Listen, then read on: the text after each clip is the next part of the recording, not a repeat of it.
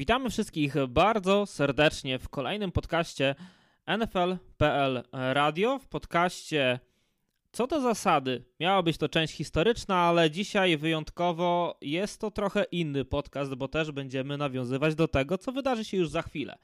A więc e, moment NFL, na który czeka może jeszcze nie tak wielu fanów na, jak na tydzień pierwszy w lidze NFL, no ale Hall of Fame Game i Preseason to niezwykle ciekawe okresy, które też historycznie e, bardzo lidze NFL często pomagały, ale samym zawodnikom utrudniały. Ale o tym będziemy mówić o, o tych realiach, które są teraz i o tym, co było lata temu w składzie Witek Cebulewski. Cześć, witam serdecznie, witam wszystkich. Ja nazywam się Karol Potaś. No i właśnie, Witku, to zaczniemy od tego, co za chwilę, bo e, jak słuchacze, zależy kiedy będziecie to odsłuchiwać, ale e, jeżeli uda Wam się jeszcze przed nocą z czwartku na piątek, to o drugiej w nocy na NBC e, odpalicie sobie Hall of Fame Game i to jest spotkanie wyjątkowe, bo co do zasady Preseason nie, nie cieszy się wielką popularnością z wielu powodów, bo raz, że widzimy tam czasami niewielu starterów, o tym też będziemy mówić. Starterów, czyli zawodników podstawowego składu, którzy wystąpią w tygodniu pierwszym. No ale jak zobaczy się e, słupki oglądalności, i jak zobaczy się też ratingi telewizyjne w porównaniu z innymi programami, to Hall of Fame Game jest zwykle równo gdzieś pewnie z tymi pierwszymi spotkaniami tygodnia pierwszego, a czasami nawet to wyprzedza. Witku, dlaczego jest to taki mecz wyjątkowy?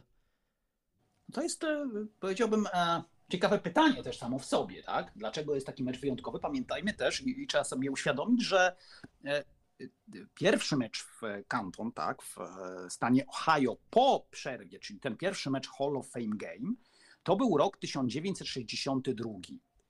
I w 1962 roku, jako że rozpoczynano budowę Hall of Fame, czyli całej galerii sław, budynków obok stadionu Tom Benson Stadium, tak? E, które zresztą, e, e, powiedziałbym wtedy, według niektórych zepsuł takie założenie parkowe. Bo tam jest taki park, jest ten budynek, ten stadion jest obok budynku i no, niejako te, ten, te budynki Hall of Fame troszeczkę powiedziałbym, no, ograniczyły y, tą jedną część parku, a, a tak naprawdę y, droga stanowa, chyba 77 to jest, ona przedzieliła y, mm, z kolei jeszcze ten park na dwie części, więc to był moment, kiedy budowano Hall of Fame i wówczas postanowiono, że zostanie rozegrany pierwszy mecz Hall of Fame Game. On wówczas był rozegrany 11 mm, sierpnia 1962 roku. Co ciekawe, wtedy nie był jeszcze pierwszym meczem preseason, pierwszym otwierającym.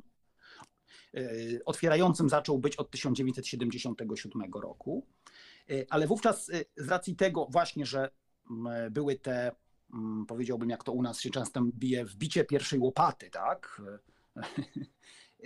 Jeśli chodzi o budowę Hall of Fame, E, wówczas postanowiono zorganizować spotkanie i to było pierwsze spotkanie e, w Canton od 1926 roku, kiedy grali tam jeszcze Canton Bulldogs, o których mam nadzieję też jeszcze e, trochę powiemy. Tak dla ciekawostki, ostatni mecz, który tam był za czasów w Canton w Ohio, kiedy grali Canton Bulldogs, zakończył się remisem z inną drużyną z Ohio, Akron Pros 0-0, a ten mecz w 1962 roku zakończył się też remisem bo było y, po 21 i e, wtedy y, mm, Cardinals, bo St. Louis Cardinals mierzyli się z New York Giants.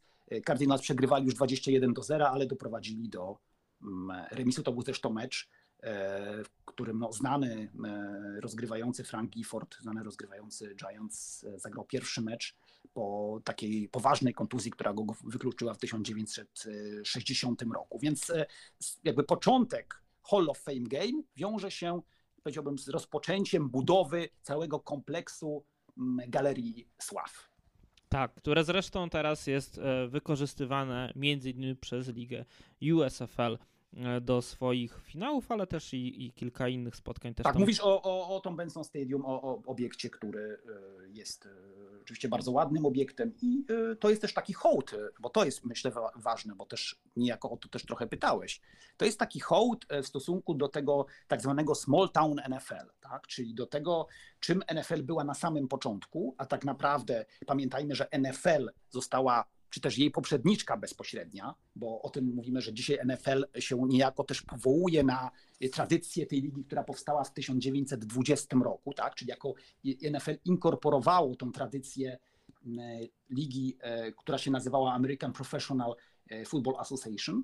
I ona powstała, ta liga, która dzisiaj e, powiedziałbym jest włączona w tradycję historii NFL, też właśnie w Canton e, w stanie Ohio, bo tam w salonie motoryzacyjnym e, właściciela ówczesnego e, mm, właśnie Canton Bulldogs zebrali się pierwsi właściciele klubów. I pamiętajmy, dlatego że mówię Small Town NFL, w tym pierwszym sezonie w 20 roku, tak, no to były drużyny, jeśli chodzi o stan Ohio, właśnie z Canton, z Akron, z Cleveland to duże miasto, ale z Columbus, z Dayton, tak? Mówię o samym stanie Ohio, żeby, żeby nie wychodzić, bo były też z innych mniejszych miejscowości, jak na przykład z Rochester w e, stanie New York, czy z Muncie w stanie e, Indiana. Później też dołączały inne w stanie Ohio, takie jak na przykład Portsmouth, e, blisko granicy z stanem Kentucky. Więc jakby samo miejsce jest historyczne ze względu na powstanie tego, co później było, powiedziałbym, no, co dzisiaj się już włącza do historii National Football League. Po drugie, z racji tego, że y, to jest taki hołd w stosunku do tych małych miast, które zaczynały profesjonalny futbol w Stanach Zjednoczonych. No i jeszcze być może po trzecie, dlatego że z kolei, co ciekawe, kiedy NFL zmieniła nazwę na tą, która jest obecnie, prawda, czyli na National Football League w 1922 roku, no to wtedy mistrzem przez dwa lata z rzędu zostawali Canton, Canton Bulldogs. Dokładnie tak. E, to zresztą Canton Bulldogs e, powstali jako Canton Athletic Club, czyli jeszcze to, to w, w 1904 roku. E, no i tak jak mówisz, oni gdzieś tam się budowali, grali jeszcze to nie było ligi NFL-a, była, była liga Ohio przez, przez jakieś kilka lat, no i dołączyli, tak jak mówisz, do, do ligi NFL. No i to jest e, jakby też miejsce historyczne dlatego, bo jest tam, byłeś w tym miejscu, więc możesz opowiedzieć w sumie, że jest tam galeria, którą można zwiedzać chyba całorocznie, tak? Tak jest, no to jest, to jest takie miejsce w ogóle, w, powiedziałbym, no, któremu każdemu polecam, chociaż oczywiście e, to zależy od tego, co lubimy najbardziej w sporcie. Dla kogoś, kto bardzo lubi historię, no to jest taki must. E, ale są też tacy, którzy powiedziałbym, no, mają inne wrażenia, bo oni wolą bardziej, powiedziałbym, te rzeczy, które są bieżące. E, no dzisiaj przecież liga oferuje tyle atrakcji sezon się praktycznie nie kończy, tak, bo mamy off-season, mamy draft, e, więc no, różne są, powiedziałbym, opinie. Natomiast dla tych, którzy naprawdę lubią historię i czerpią z tego coś dla siebie, wynoszą, no to uważam, że to jest taka konieczność.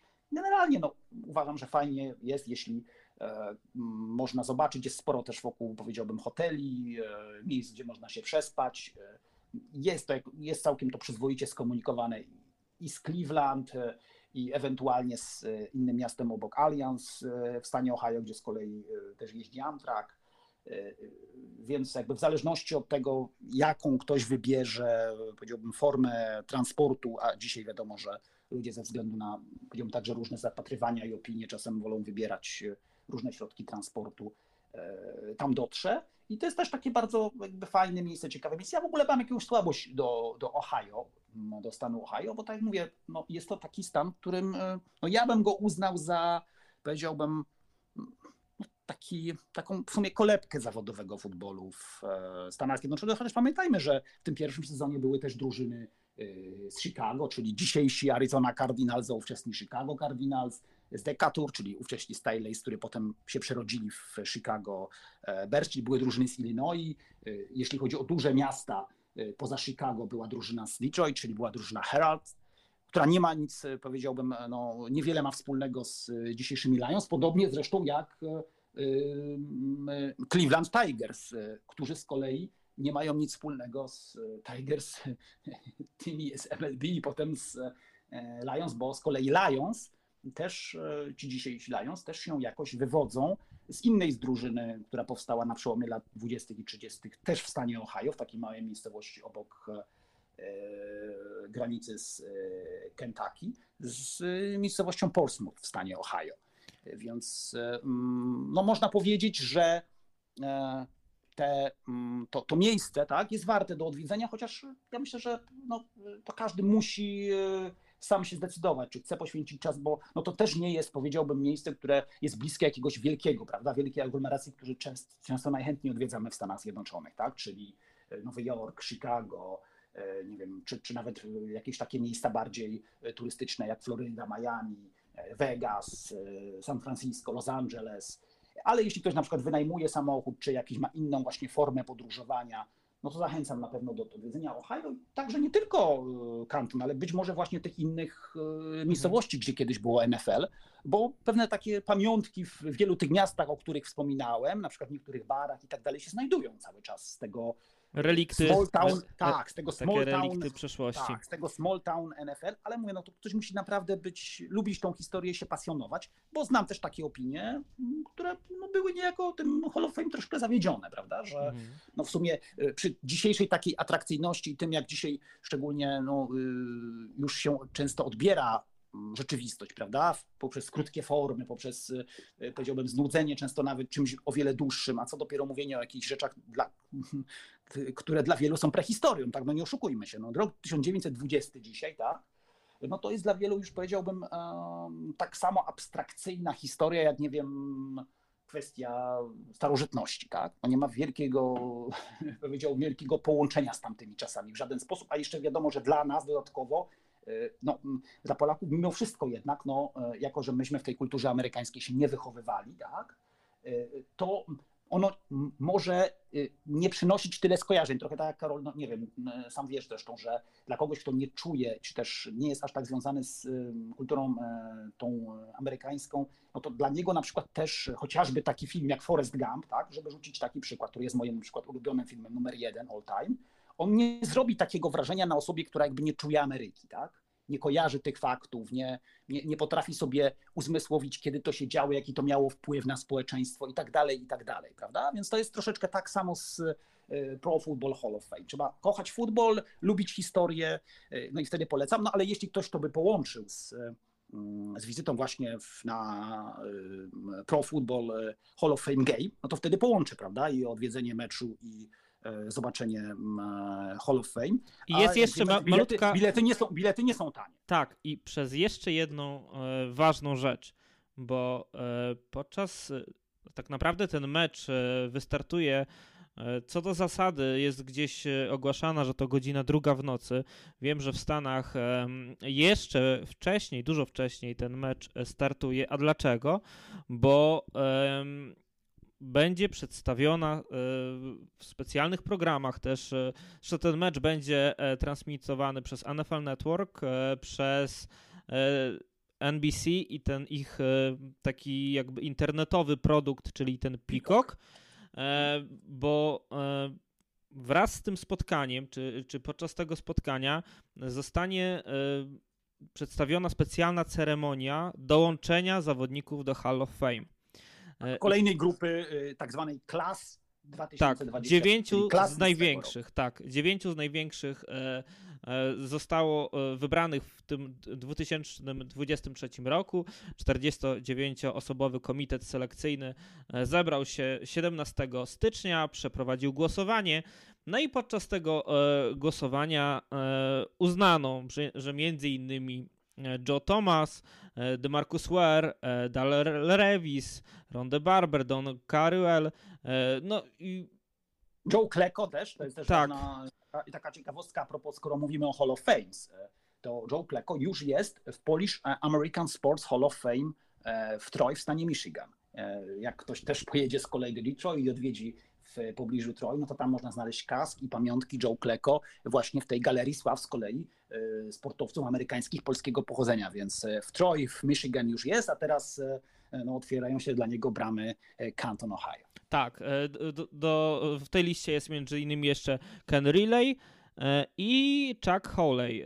Chyba wymieniłem całą dziewiątkę i co ciekawe, Bar Barber, Howley, Kleko, o którym wspomniałeś, Revis, Joe Thomas, Za Thomas i DeMarcus Ware dowiedzieli się o tym wyborze do Hall of Fame, gdy te Hall of Fame zapukało do ich drzwi.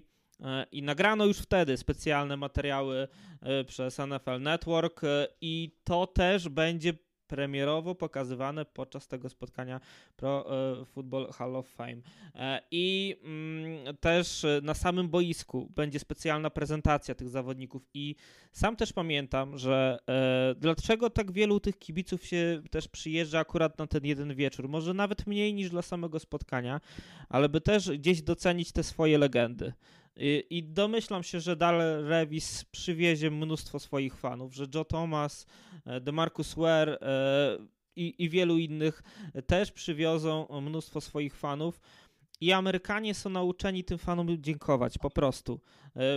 Ubierają się często w ich koszulki, zakładają e, jakieś specjalne kaski, malują się w, w sposób taki jak oni na boisku. E, bardzo różne przygotowanie do tego spotkania. Ja pamiętam, jak Charles Woodson e, był mm, dołączany do, do, do, do, do Hall of Fame i też jego ceremonia cała miała, była przedstawiona w Canton, to kibice Raiders przygotowywali się dużo wcześniej przed samym meczem, by też e, gdzieś e, pokazać e, swoją wdzięczność dla Woodsona za to, co prezentował na boisku. I mecz oczywiście się odbył i był ważną też częścią całego wieczoru, ale troszeczkę jako przystawka, bo mam wrażenie, że mimo wszystko jest to też coś tak specjalnego dla ligi, ale też i samych kibiców, że oni po prostu chcą tych swoje, te swoje gwiazdy jeszcze zobaczyć, zanim one mm, e, pójdą już gdzieś może na zupełną emeryturę pozafutbolową, bo nie wszyscy trafią do telewizji, nie wszyscy pracują przy futbolu. No lub też niestety y, y, można często y, w sensie publicznym e, przy tym ogłaszaniu a czasem tak się zdarzało, zobaczyć no, po raz ostatni jakąś gwiazdę, bo też e, w różnym wieku oni są przyjmowani. Dokładnie tak. Dokładnie tak, więc jest to absolutnie wyjątkowa okazja i, i myślę, że to też sprawia, że dlatego ten, ten wieczór jest tak wyjątkowy, że podczas tego spotkania, jak odpalicie sobie transmisję, to będzie mnóstwo wywiadów właśnie z tymi, e, z tymi zawodnikami, z też osobami będącymi już wcześniej e, w Galerii Sław, którzy będą opowiadać o przeszłości, o, o, tym, jak ten futbol czasami wyglądał. I sama ta otoczka tego wydarzenia sprawia, że po prostu e, nawet jeśli na tym boisku nie widzimy starterów, to i nie oczekujemy, że zobaczymy świetne widowisko, bo nie ma się co oszukiwać, zawodnicy też gdzieś są ograniczani przez swoich trenerów, przynajmniej ci którzy mają wystąpić za kilka tygodni, w tygodniu pierwszym e, Ligi NFL w fazie zasadniczej, że e, no jest to gdzieś tam e, troszeczkę pozbawione tego do końca aspektu sportowego, ale przez to całą otoczkę, tak jak wspomniałem, absolutnie jest to pozycja, która świetnie się ogląda. I jeżeli będziecie mieli możliwość, bo jeżeli macie wykupiony, nie wiem, chyba teraz na DAZN y, Game Pass, y, to y, tam jest samo spotkanie. Ale jeżeli będziecie mieli możliwość zobaczyć też wszystko to, co się będzie działo przed spotkaniem, gdzieś e, e, chyba nawet w, w, niemieckiej stacji e, RTL chyba mają też pokazywać to spotkanie. Nie wiem, czy wraz ze studiem przed meczem, ale jeżeli będzie okazja zobaczyć, to, to zerknijcie i spójrzcie, jak to wygląda, bo jest to też coś, co chyba nie do końca jest w kulturze europejskiej, przynajmniej ja tak tego nie dostrzegam przy innych sportach, tak aż bardzo e, wynoszone na taki piedestał, że, że to są nasi tacy trochę bogowie. Że do nich się, tak jak mówisz, przychodzi może już, żeby zobaczyć ich ostatni raz, im podziękować. Więc e, jest to e, trochę takie sentymentalne i na pewno wzruszające. Tak, tak łapie za serce. Jak się zobaczy tych nawet te młodsze gwiazdy, jak Darrell Revis, ale i, i, on stoi obok e, legendarnych innych zawodników z innych w ogóle czasów futbolowych, to jest to gdzieś takie e, też pokazujące, że ten futbol jest trochę romantyczny. Ameryka, Ameryka, jest sentymentalna właśnie poprzez to przywiązanie do, do ludzi, którzy się przyczynili do rozwoju w różnych aspektach, w tym przypadku do rozwoju futbolu, e, ale to połączone, prawda, z, zawsze z świetną choreografią, z, z tymi powiewającymi flagami, tak, no, robi to wrażenie i powiedziałbym, no, niektórzy... Tak, wspomniany przez ciebie Joe Kleko... Uronić, uronić łezkę, szczególnie ci, którzy są, chyba najbardziej to jest wzruszające i najbardziej taki podniosły moment dla sympatyków tych zespołów, które akurat właśnie nie dość, że mają zawodników, bo to się ze sobą wiąże, prawda? Którzy dołączają, to jednocześnie grają, no bo to jest ten wybór tych drużyn do Pro Football Hall of Fame Game też się wiąże z tym, że no musi jakaś gwiazda z tej drużyny w tej klasie być przyjmowana, tak? I tak zakładają, że będzie przyjmowana. I w tym roku mamy właśnie Joe Thomasa z Browns, tak? I Browns grają z Jets, E, z której przyjmowany jest Darrell Revis. Także e, to jest ze sobą połączone i to chyba największe jest święto dla tych. E, no i sam, jak wspomniałeś, Joe Kleko to też ekipa New York tak, tak, Jets. Ja I... mówię o tych, powiedziałbym, świeższych zawodników, które być może jeszcze niektórzy z naszych słuchaczy, powiedziałbym, bardziej gdzieś mieli okazję zauważyć, a nawet jeśli E, już na jakimś zapisie, no to może bardziej rozumieją tę dzisiejszą grę niż e, ten okres czasu, kiedy grał e, Joe Klecko. Tak? tak. to też nie były takie odległe czasy, bo to przełom 70. i 80. Tak, aż sobie zajrzałam, ile Joe Klecko ma lat, 69. No to właśnie a propos tego, co wspominałem, że te młode gwiazdy, które jeszcze nawet ci najmłodsi fani ligi NFL mogą kojarzyć, jak Daryl Revis i właśnie Joe Klecko obok siebie, dwie dekady New York Jets E, ale jest to, e, jest to gdzieś e, właśnie tak spięte fajnie klamrą i jeżeli będziecie mieli możliwość, to jak najbardziej polecamy i przy... Zachęcamy, bo ja, bo ja oglądam natomiast do tego, co mówiłeś, żeby tutaj nie prowadzać. Wydaje mi się, z tego, co spojrzałem, chociaż to pewnie będziemy w stanie sprawdzić w trakcie naszej rozmowy, że RTL ogłaszało mm, zestaw meczów preseasonowych w swoim kanale drugim, takim mniejszym Nitro, który też jest dostępny E, przez satelitę Astra dla wszystkich w Polsce, ale chyba tam Pro e, Football Hall of Fame nie było. Więc jest pytanie, czy okay. rzeczywiście e, RTL na głównym kanale na przykład to pokaże, bo na razie jakby tej informacji gdzieś nie zakonotowałem. Może rzeczywiście tak jest, ale no myślę, że podczas jeszcze podcastu to sprawdzimy. Ewentualnie doprecyzujemy gdzieś w komentarzu, tak. bo tak jakby to też nie jest... w błąd. Tak, to też jest jakby dynamiczne, jakby nie mówić przy, przy jakby wdrażaniu tego nowego NFL w nowej stacji telewizyjnej w Niemczech. No ale niewątpliwie nas to też interesuje, bo jeżeli e, będzie to kanał, który będzie dostępny w Polsce, no to możliwe, że. A wiem będzie... na pewno, że z tego pierwszego, z tego co pamiętam oczywiście, e, z tego pierwszego weekendu preseason, tego pełnego weekendu preseason, tak, czyli tego, który jest bodaj 12 i 13 sierpnia, mają być w tym kanale Nitro dwa spotkania i to o takich dość dobrych porach, bo chyba w sobotę o godzinie 22 e, mecz chyba Panthers to też ciekawostka, prawda? No bo to będzie, miejmy nadzieję, że być może się pojawi e, mm, jedynka w drafcie, tak? Mhm.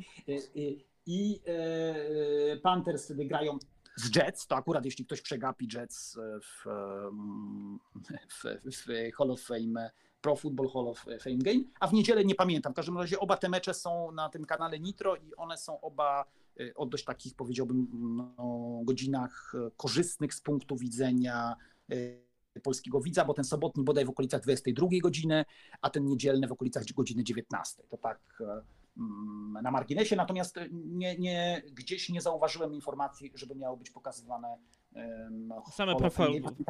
Pamiętajmy, że też e, RTL będzie swoje mecze również pokazywał w takiej aplikacji RTL Plus, tak? która no, jest gdzieś tam blokowana, a także z tego co wiem, tu niektóre tam będą elementy również płatne, ale również jest, prawda, geoblokada e, to dla widzów niemieckich, tak? Więc pytanie, jak to będzie rozdzielone pomiędzy te kanały, ile meczów będzie właśnie w czas sezonu na głównym RTL, ile będzie na tym kanale Nitro. Wydaje się, że ten kanał Nitro jednak przejmie taką rolę, jaką kiedyś w Niemczech e, e, w przypadku poprzednich praw zajmował kanał ProSieben Max, w którym przez wiele sezonów było większość meczów, tak? a niektóre tylko były w tym głównym kanale ProSieben. E, no, w ostatnim sezonie to się zmieniło w e, ProSieben, ale e, przez długi czas właśnie tak było. No zobaczymy, tak jak mówiłeś, to jest wszystko, powiedziałbym, taki proces w tym stanie powstawania, bo dochodzą też nowi dziennikarze, nowi komentatorzy, tak jak wspomniał kiedyś Filipa Luka, będzie też kobieta, więc w tym stafie komentującym futbol w RTL też jestem ciekawy, jak to wygląda, no bo z racji tego, że też przy tym pracowałem wiele lat, lubię sobie popatrzeć, jak inne powiedziałbym, kraje europejskie to robią, a, a w tym sensie powiedziałbym, Niemcy są jednak chyba takim wzorem, e, także w jaki sposób można zachęcić takiego zwykłego kibica, e, który nie do końca zawsze wcześniej miał kontakt z futbolem, do tego, żeby stać się, powiedziałbym, no, umiarkowanym, czy nawet e, takim już stałym sympatykiem NFL. Nie zawsze oczywiście wybierającym NFL jako pierwszą dyscyplinę, ale tak, takim, który no, stale te mecze śledzi i wie o co w lidze chodzi. Tak jest. E, dobra, tak więc doprecyzujemy. Jeżeli pojawi się taka informacja i będzie to e, gdzieś dostępne, to na pewno e, w czwartek na naszym profilu taka informacja też się pojawi, jeżeli będzie można ten mecz obejrzeć w Polsce. I, i jeszcze dodajmy, oprócz tego, bo wspomniałeś o tym, skoro już mówiłeś, co można, co będzie można obejrzeć w tym preseason w tym roku w, w RTL-u, E, to też warto dodać, że oprócz Hall of Fame Game każda drużyna zagra jeszcze trzy spotkania. E, te drużyny, które będą grać spotkania w Hall of Fame Game, dla nich to będzie spotkanie dodatkowe, czyli te zagrają cztery, cała pozostała reszta zagra po trzy spotkania. E, to też się zmieniało, bo jeszcze stosunkowo niedawno drużyny grały cztery spotkania i piąte Hall of Fame Game, ale to, to się zmieniło, ten preseason został ograniczony, ograniczony ze względu na to, że podczas preseason pojawiały się kontuzje i e, zawodnicy bardzo nie chcieli grać w tych spotkaniach. E, pamiętam kontuzję Jordiego Nelsona między innymi, e, która w ostatnim czasie była też takim mocnym jakby stemplem tego, że ten preseason jest, niektórzy mówią nawet niepotrzebny przynajmniej dla tych starterów. E, Ale wiesz, Karol, to ty, ty mówisz y, taką, powiedziałbym, uwagę, która gdzieś e, no, w historii też jest odciśnięta, bo w tym pierwszym e, Hall of Fame Game, czyli w tym meczu, o którym mówiłem, z 1962 roku, też ten mecz, który zakończył się, tak jak wspominałem, remisem pomiędzy Giants a wówczas St. Louis Cardinals, Bob Hill, tackle e, Giants, który był wybrany bodaj wtedy w drugiej rundzie draftu przez drużynę z Nowego Jorku, e, to dla niego był e, mm, w drugiej rundzie był wybrany, to bodaj był dla niego właśnie mm, pierwszy i ostatni mecz, bo doznał kontuzji kolana, która zakończyła jego karierę. No właśnie, więc były stemple, które gdzieś tam pokazywały, że ten preseason jest niepotrzebny, ale liga jakby przyzwyczaiła się do tego preseason, mam, mam wrażenie, i sami trenerzy też. I preseason jest przede wszystkim świetną okazją dla tych zawodników walczących o skład, y, o, o to, by znaleźć się w tym finałowym rosterze, który rozpocznie tydzień pierwszy y, z ligą NFL, będąc w składzie, bądź gdzieś w składzie treningowym. Jest to dla nich może jedyna szansa, by pokazać się przed swoimi trenerami może raz tylko y, podczas jednego spotkania, bo niektórzy z nich dostają tylko kilka snapów w którym ze spotkań i jeżeli się nie wykażą, to, to już kolejnych szans nie ma a czasami dla niektórych e, jest to kilka spotkań preseason. E, niektórzy zawodnicy są znani tylko z preseason, bo odpalimy preseason e, w tym roku i pewnie zobaczymy kilka nazwisk, które ostatnie swoje spotkania grały w preseason rok temu. No ale to jest właśnie taki okres, kiedy gdzieś te, te nazwiska się sprawdza, mniej znane część niektórych zawodników się przebija później e, od preseason do, mm, do fazy gdzieś tam e, sezonowej, do składu i później są wielkimi gwiazdami. To się też zdarza. E, to jest też dobry moment dla właśnie debiut, debiutujących, rozgrywających, kiedy mogą sobie porzucać do tych weteranów piłki i, i sprawdzić swoje umiejętności gdzieś tam jeszcze na tym poziomie e, nieco wyższym e, i nieco innym od e, zwykłych treningowych spotkań, bo takie też się gdzieś, czy, czy, czy wspólnych treningów, które odbywają się podczas preseason. Raiders na przykład w ostatnim czasie zawsze bardzo często trenowali z ekipą Rams i, i, i te treningowe spotkania, czy te treningi też coś, jakieś odpowiedzi dawały, ale, ale gdzieś tam dodatkowym aspektem meczowym też gdzieś można było sprawdzić niektóre nazwiska, czy, czy dają sobie radę pod presją, więc dla tych zawodników też jest to, jest to szansa, by się przebić. Mm, pamiętam, że Babafunde Aegbusi, czyli zawodnik pochodzący z E, z Polski, grający w polskiej lidze, e, w, w ekipie między innymi w, w, ekipach między innymi wrocławskich, między innymi Warsaw Eagles i chyba właśnie z, ostatecznie z Warsaw Eagles trafił do, e, na, na camp Minnesota Vikings i później, pamiętam jak wstawałem jeszcze lata temu na spotkania preseason, by oglądać jego występy w cudzysłowie e, w Minnesocie Vikings, bo się wydawało, że jest on już bardzo blisko tego składu, że będzie, będzie grał ostatecznie. Wpuszczono go chyba podczas ostatniego spotkania preseason na jakieś tam chyba kilka akcji i, i to wszystko, więc nie otrzymał tej, ostatecznie swojej szansy. No ale to jest właśnie taka, gdzieś taki moment, gdzie ci zawodnicy czasami z Europy y, mają swoją y, możliwość, by się gdzieś tam przebić.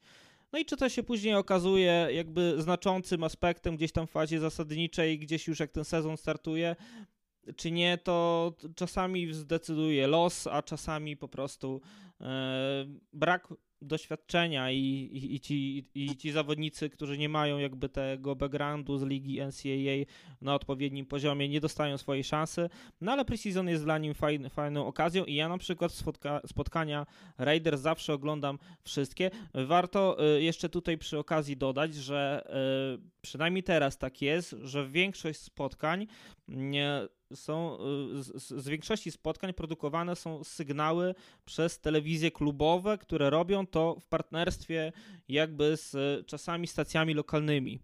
I na przykład. Tak jest, to jest ta różnica, i ona na przykład często mm, to taki przykład dla tych e, z naszych słuchaczy, których też oczywiście pozdrawiamy Y, którzy y, no, kojarzą inne ligi, prawda? Czyli kojarzą MLB czy, czy mm, transmisje z NBA sezonu zasadniczego, to są często na przykład takie stacje, które nie wiem, na jakimś lokalnym rynku pokazują na przykład mecze danej y, drużyny regular season w MLB, w NBA, w NHL, to często one na przykład mm, realizują i produkują sygnał z tych meczów Mm, Preseason, tak jak mówisz, w, w, kooperacji z, często z kanałami klubowymi, czy z, powiedziałbym, ludźmi związanymi z poszczególnymi e, tymi medialnymi departamentami w e, klubach National Football League. Dokładnie tak i wtedy jest też szansa często zobaczyć ten mecz z nieco innej strony, bo e, jeżeli organizowała to na przykład ekipa Raiders, to wielu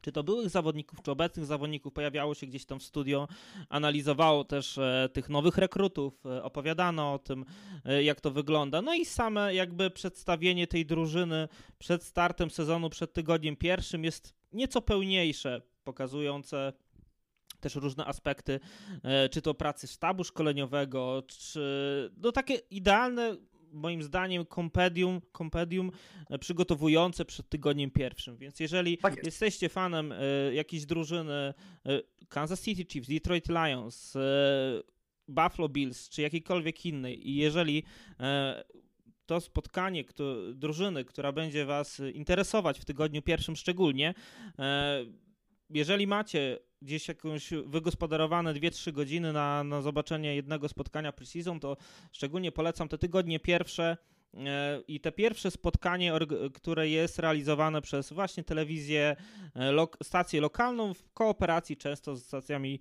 klubowymi, bo jest to takie e, odpowiednie przygotowanie, też pokazanie tego, na jakim etapie są kampy i jeżeli zobaczycie to spotkanie przypuśćmy, nie wiem, e, na przykład te Hall of Fame Game e, na NBC, e, to tam takiej analizy nie będzie.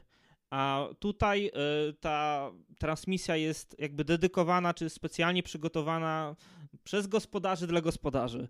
E, więc... Tak, długi, czas, długi czas było tak, Karol, że, że w ogóle to e, właśnie to spotkanie Pro Football Hall of Fame było jedyne w takiej ogólno, e, powiedziałbym, dostępnej stacji ogólnoamerykańskiej, czyli było po prostu w takiej, jak to mówią, National TV pokazywane, a resztę były w tych lokalnych stacjach. Natomiast w tym roku, z tego co kojarzę, to w, w tygodniu bodaj trzecim jest mecz pokazany w Fax, tak, a w drugim chyba w ESPN W tym drugim to będzie jakby taka jakby inauguracja, niejako nieoficjalna w Precision Monday Night. Będą grali Baltimore Washington, Ravens, Washington Commanders, tak. Washington Commanders u siebie z, z Baltimore Ravens. W tym trzecim tygodniu to będzie mecz Fax w Nowym Orleanie pomiędzy Saints i Texans. Więc łącznie będą jakby trzy mecze w tym, w tak, tak zwanych, powiedziałbym, jak to się ładnie mówi, National TVs, a także chyba w jeszcze jeden mecz, teraz nie powiem, który będzie E, też pokazywał w pewnym sensie no, ogólnie tak dostępny, ale nie kanał, tylko e, Amazon Prime Video. Tak, e, mecz dokładnie 25 listopada Philadelphia Eagles Indianapolis Colts i tutaj tak to spotkanie będzie realizowane przez Prime Time Video, czyli Amazon.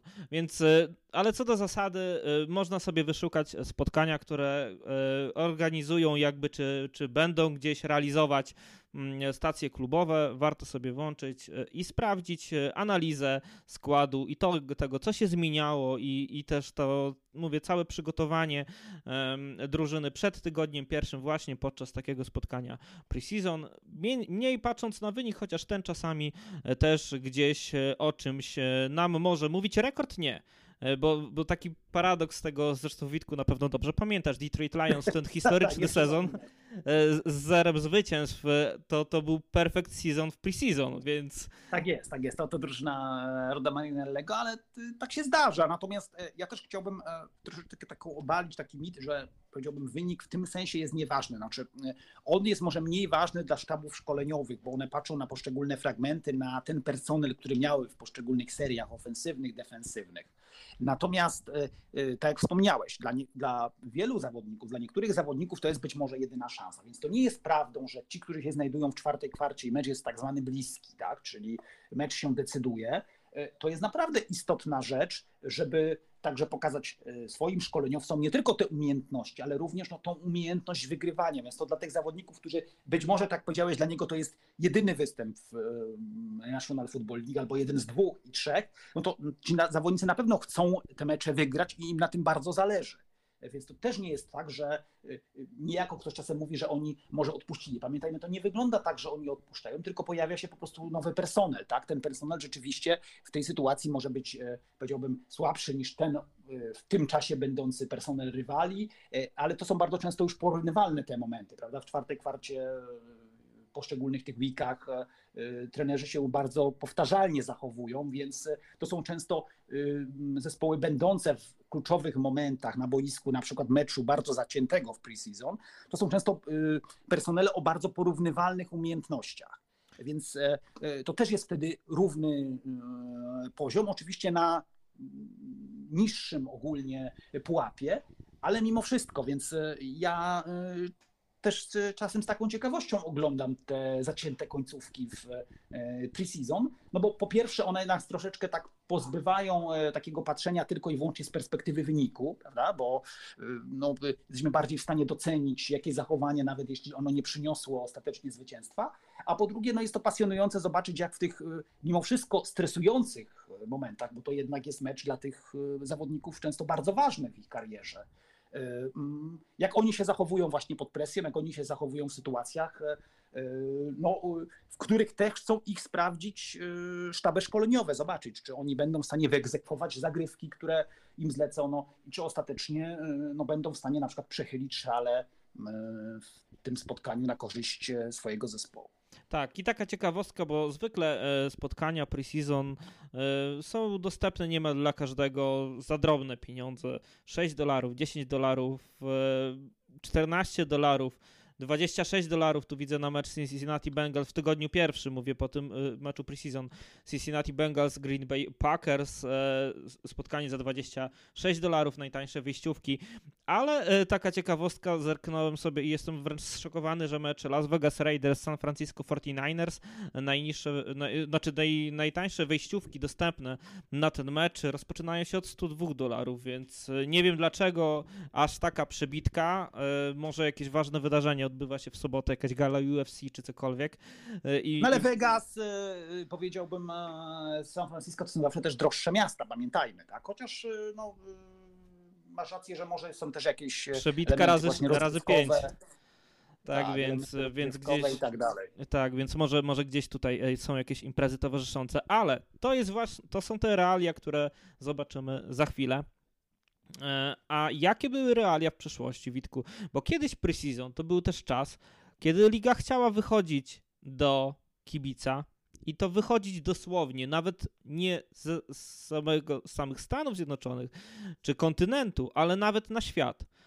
Tak, ale, ale zaczęło się od tego, że tak naprawdę, bo my mówimy o preseason, tak? E, tak naprawdę taką przyjmuje się, że 1968 rok, czyli już po tym porozumieniu dotyczącym e, połączenia, no ale jeszcze przed formalnym połączeniem NFL i EFL, i, tak, to i AFL to był 1968, kiedy Pete Rozelle ówczesny komisarz NFL, wysłał takie memorandum do e, wszystkich klubów, żeby absolutnie nie używali e, słowa exhibition games, tak? czyli takie powiedziałbym, czy też wcześniej używało się bardzo często scrimmages, pojęcie, czyli takie mhm. po prostu no, mecze towarzyskie, e, rozgrzewkowe, Mm, e, spotkania, w którym się po prostu testowało różne rozwiązania i on w tym memorandum napisał, tak, że to jest bardzo ważne, żeby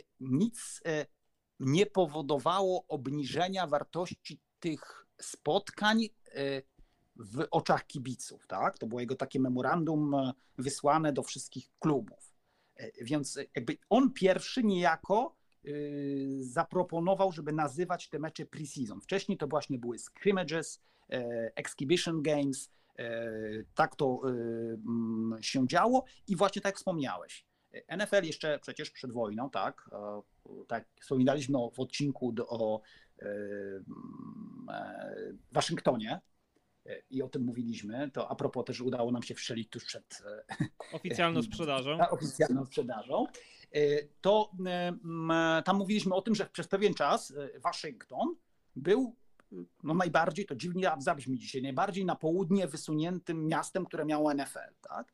Dlatego też właśnie oni często rozgrywali te mecze na południu, tak, w tych Stanach południowych. W tych Stanach było sporo meczów. Też sporo meczów na, jeszcze przed wojną na zachodnim wybrzeżu, gdzie nie było drużyn NFL, bo przed wojną nie było żadnej drużyny NFL na zachodnim wybrzeżu, tak? Więc e, e, w tych miejscach te drużyny jeździły, zdobywając popularność, ale także zarabiając często pieniądze. Znaczy, e, było tak, że mm, często drużyny no ledwo wychodziły na zero, tak? więc taka podróż po sezonie, czy też w okresie letnim właśnie na zachodnie wybrzeże, czy właśnie do Stanów Południowych, gdzie na co dzień takich atrakcji nie było. One, powiedziałbym, zarabiały pieniądze dla właścicieli, często nawet większe niż to, co się działo w preseason. Mówię o latach 30., tak? co się działo, przepraszam, w regular season. Więc e, to były takie e, dziwne czasy. A potem, tak jak mówię, no w latach 60. to już się bardziej unormowało, ale wciąż mniej więcej do tego 77 roku, przełomu, przełomu lat 70. i 80., większość meczów e, wcale nie była rozgrywana w miastach NFL, tylko właśnie na innych obiektach, czasem w tym samym stanie, trochę mniejszych, czasem zupełnie gdzie indziej.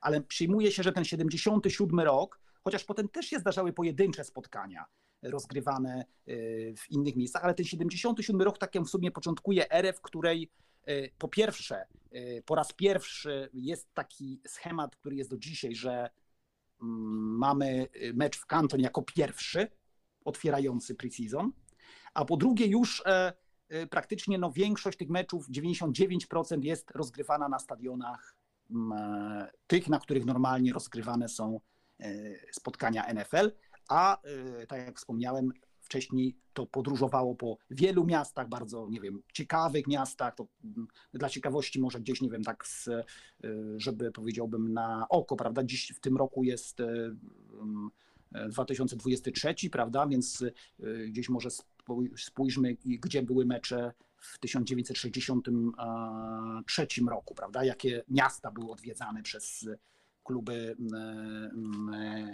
NFL. Między innymi tak, Hershey w Pensylwanii, Shreveport, Ithaca w stanie New York, Lowell w stanie Maryland, e, e, Bethlehem w stanie Pensylwania, Salt Lake City, mm, wtedy Charlotte, prawda, wtedy nie było przecież jeszcze mowy o, o powstaniu Panthers, Omaha w stanie Nebraska, Portland, Bakersville w Kalifornii, Winston-Salem w północnej Karolinie, Cedar Rapids w Iowa, Więc tych, tych miejscowości e, i tych e, miast takich, e, których no, dzisiaj byśmy nie uświadczymy spotkań NFL, było bardzo, bardzo wiele. To popularyzowało ligę, no aż liga uznała w pewnym momencie, że no jest na tyle popularna, że tego nie musi robić, a że spotkania preseason w tych miastach NFL też się bardzo dobrze sprzedają. No i trochę zaczęła wychodzić poza granicę, bo już w 1969 roku rozegrano dwa spotkania w Montrealu, a więc już Kanada. E, w 1976 roku odbyły się, e, odbyło się spotkanie w Tokio, w 1978 w Meksyku, w 1983 w Londynie.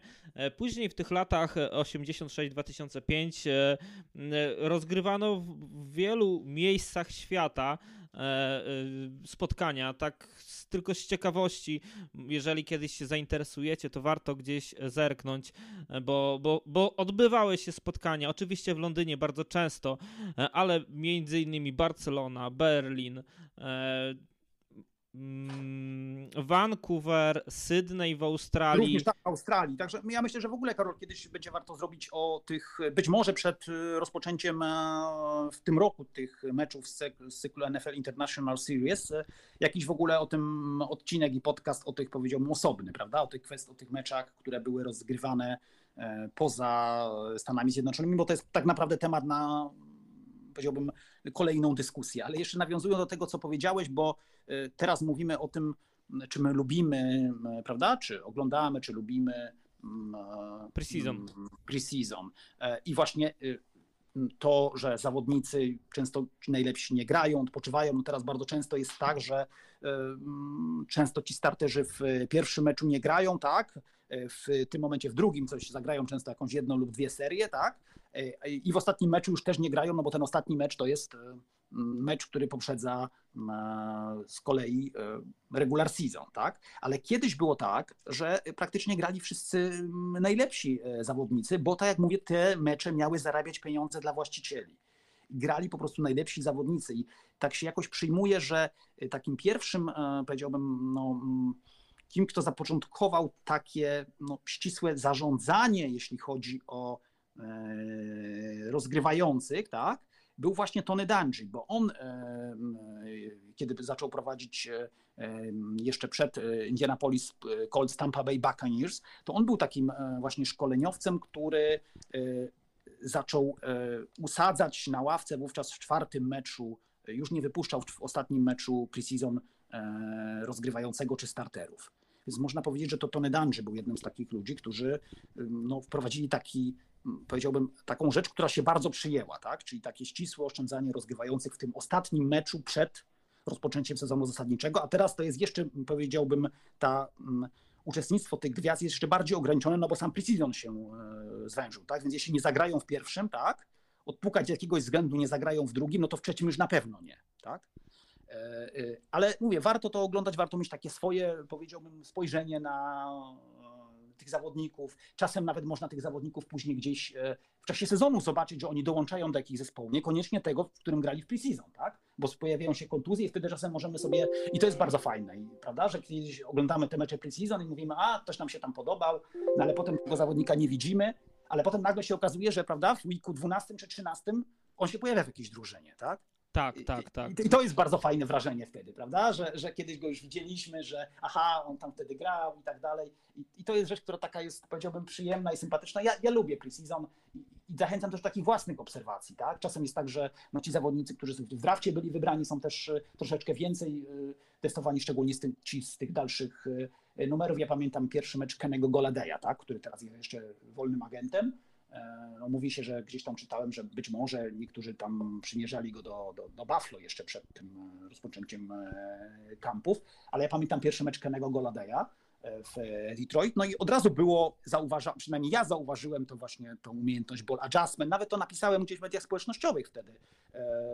Już w pierwszym meczu pewne elementy zauważyłem i potem miałem taką satysfakcję, jeśli on prawda, gdzieś się rzeczywiście rozwijał i pokazywał swój potencjał. Więc nawet dla takich samych właśnie swoich obserwacji, trochę nieskażonych wynikiem, E, powiedziałbym, e, zachęcam do e, śledzenia preseason w, w różnej formie. Tak, tak takim zawodnikiem też chociażby z ostatnich lat, których może, którego możecie kojarzyć, który też się wybił na preseason, był między innymi teraz skrzydłowy obecnie Raiders, wcześniej Patriots, Jacoby Myers, to też taki zawodnik, który przez preseason budował swoją wartość i i to wartość ostatecznie zbudował na tyle mocno, że e, jest e, już e, starterem i to takim, który teraz może nawet pretendować do roli najlepszego skrzydłowego, skrzydłowego w drużynie. Nie będzie to w Raiders, bo, bo tam oczywiście jest jeszcze Devante Adams, ale będzie z pewnością bardzo ważnym punktem. Jeszcze jedno dodamy, bo wspomniałem o tym, że preseason wcześniej miał te cztery spotkania, plus mecz Hall of Fame Game. Teraz mamy trzy spotkania i, i mecz Hall of Fame Game. E, a wzięło się to dlatego, że mm, w 2008 roku e, Roger Goodell e, gdzieś próbował przeforsować taką myśl swoją, swój pomysł, żeby skrócić sezon, skrócić preseason, a dodać kolejkę fazy zasadniczej. E, nie do końca się to podobało zawodnikom. Oczywiście były też te, te słynne CBA i te wszystkie porozumienia z zawodnikami. E, to było też jakby mm, kością niezgody przez bardzo długi okres czasu e, ale gdzieś cały czas ten 17 mecz wisiał gdzieś w powietrzu, żeby, żeby drużyny rozgrywały. No i ostatecznie, kiedy w 2021 roku Komitet Zawodników przegłosował przedłużenie sezonu zasadniczego do 17 spotkań, to jednocześnie zmniejszono preseason do trzech spotkań z wyjątkiem. Pamiętajmy, że minimalnie przegłosował. Ja zresztą e, powiem zupełnie szczerze, e, ja byłem no, tak łagodnie rzecz biorąc umiarkowanym zwolennikiem tego rozwiązania. Ja cały czas uważam, że ten 16-meczowy mm, sezon był optymalny, ale tak jak mówię, no to była decyzja, okazało się łącznie prawda, zarówno właścicieli, jak i powiedzmy sobie szczerze tych no, zawodników niekoniecznie gwiazd, bo te gwiazdy mocno jednak E, się przeciwstawiały e, powiększeniu e, sezonu do 17 spotkań w regular season. No i nad tym także lobbowały za to, za tym mocno. I to była naprawdę niewielka mm, przewaga, jaką to przeszło w głosowaniu zawodników z NFLPA. E, tak. E, jeszcze taka ciekawostka, ostatnia ode mnie, jeszcze Witek na koniec zostawię głos Tobie. E, pamiętam mecz z 2020 roku, kiedy, który, mecz, który został odwołany. W związku z tym, że jeśli dobrze pamiętam, to chyba 2020 rok, gdzieś nałożono nie do końca odpowiednią farbę na logo na środku boiska. Tak zwane poor field conditions. Tak, tak, coś, coś tam nie zagrało i wszyscy szykowali się do tego preseason, e, do tego Hall of Fame Game, żeby obejrzeć, e, obejrzeć to spotkanie i nagle dostaliśmy informację, że mecz został odwołany w związku z tym, że właśnie ta farba źle się chyba zawiązała, czy coś, już nie chcę jakby wchodzić bardzo w genezę tego, E, finał był taki, że przez złe przygotowanie boiska mecz się nie odbył. E, taka, taka ciekawostka, która wtedy bardzo, bardzo mnie e, rozczarowała i gdzieś też pokazywała, że liga NFL to oprócz tego, że są super, hiper, piękne sprzęty, maszyny, boiska i wszystko po prostu wygląda idealnie, to czasami też wszystko jest bardzo ludzkie i, czas, i tutaj też coś, coś nie zagrało, nawet no, przy tak wielkim wydarzeniu. Błędy Dokładnie i, tak i wszystkim się zdarzają jakieś pomyłki, a ja przynajmniej uważam, że każdy zasługuje na drugą szansę, może nie trzecią, ale drugą na pewno.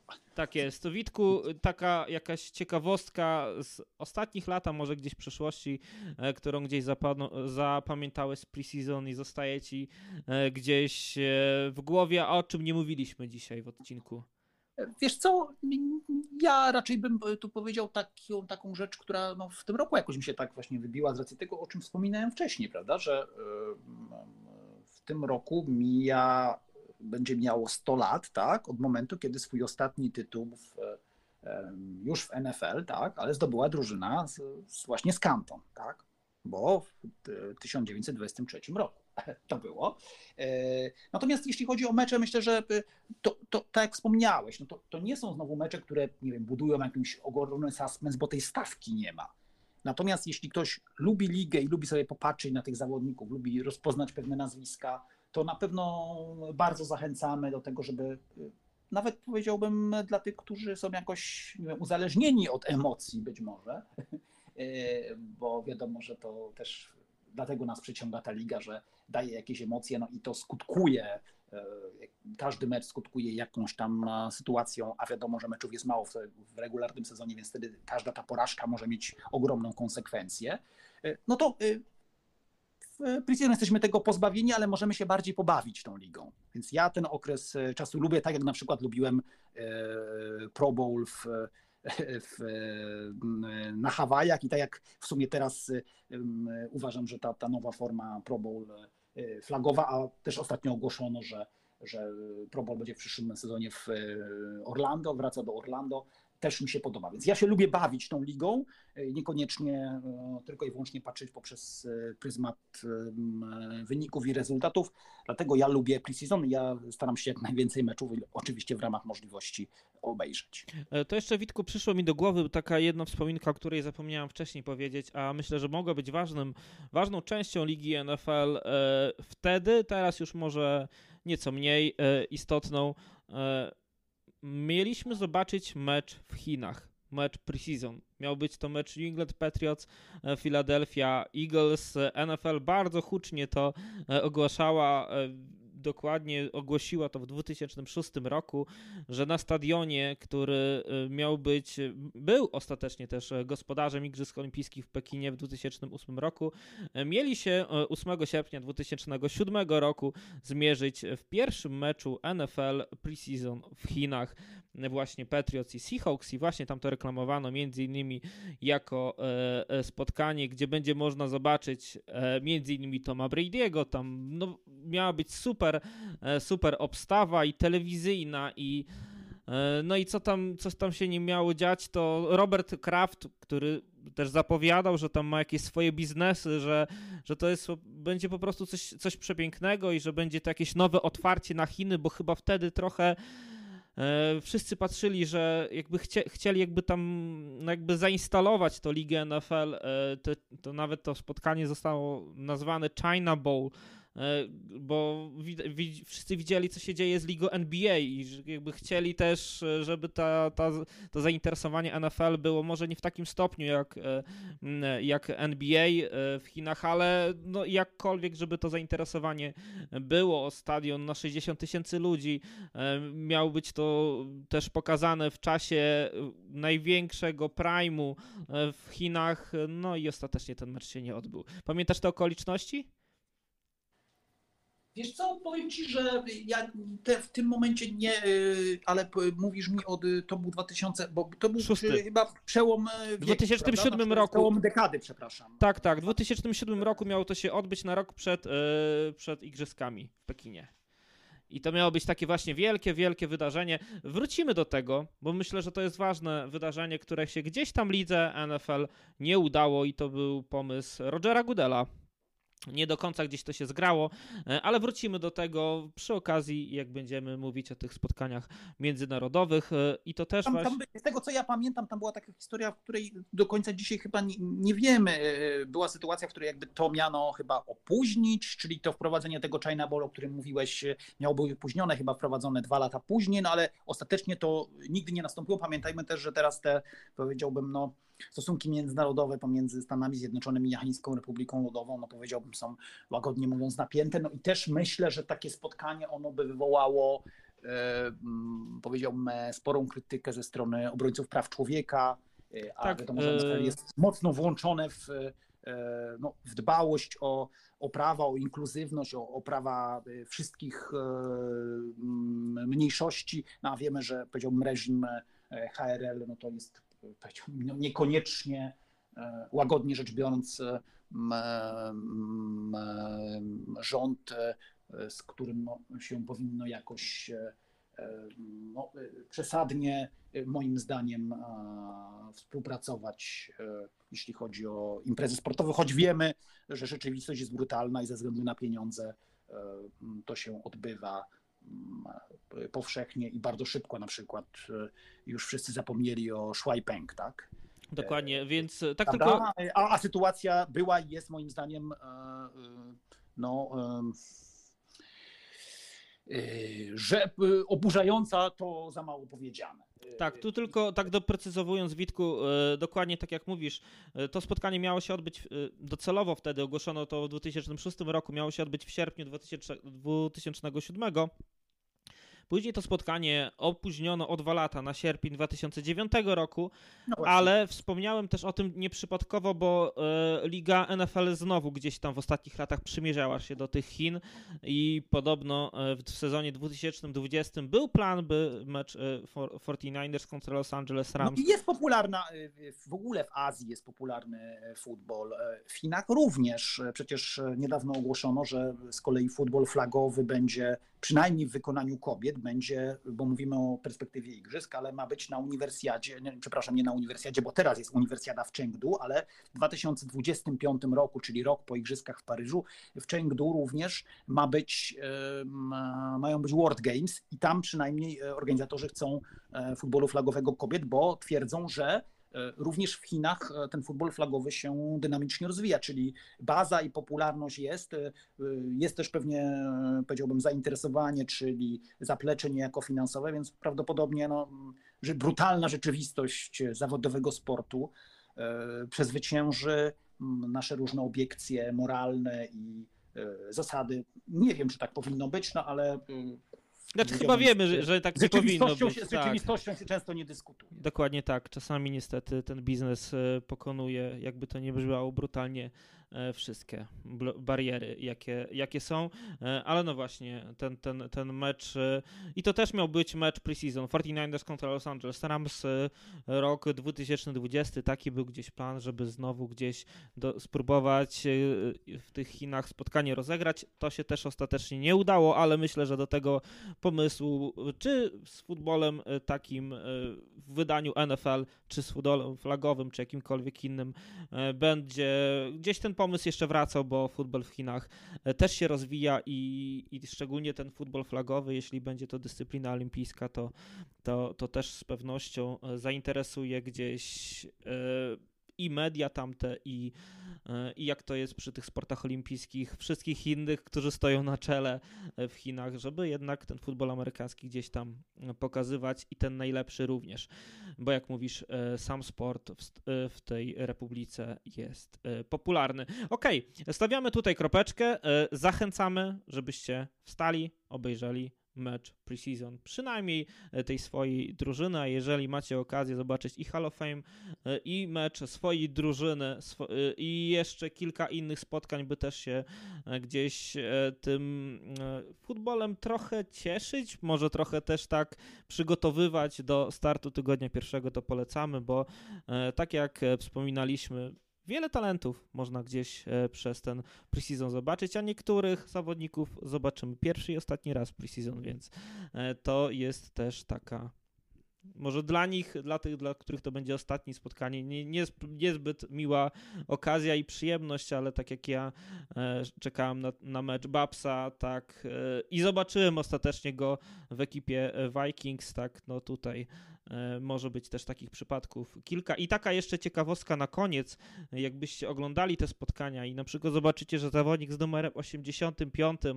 e, to na przykład e, wspomniałem wcześniej Babsa, ale pamiętam, nie pamiętam z jakim on, on numerem grał, ale, e, ale mhm. miał, y, przypuśćmy, numer 85 i z tym samym 85 numerem też w drużynie Vikings grał też jeszcze inny zawodnik, bo to jest taki czas, że gdzieś te e, koszulki są przekładane z zawodnika na zawodnika, kilka kompletów, nawet z tym samym numerem, więc często trzeba się przyglądać po prostu, czy to jest ten zawodnik, którego chcecie podziwiać, czy to jest na pewno on, bo w preseason takie sytuacje też się wydarzają. Witku, dodasz jeszcze jakieś słowo na koniec, czy już kończymy? Chyba wszystko. Myślę, że kończymy, tak.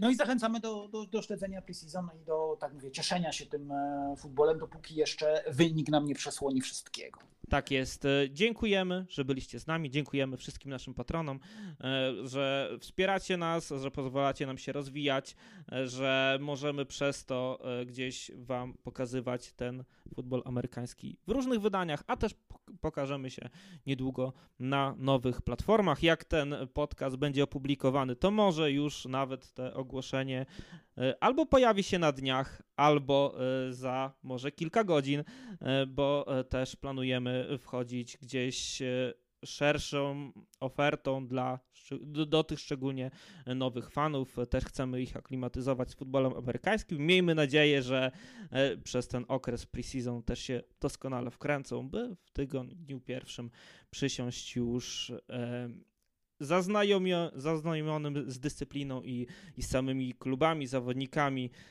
No i cieszyć się tym pięknym sportem, w którym my się zakochaliśmy. To tyle na dzisiaj. Ja nazywam się Karol Potaś, a wraz ze mną był Witold Cebulewski. Pozdrawiam serdecznie wszystkich. Do usłyszenia.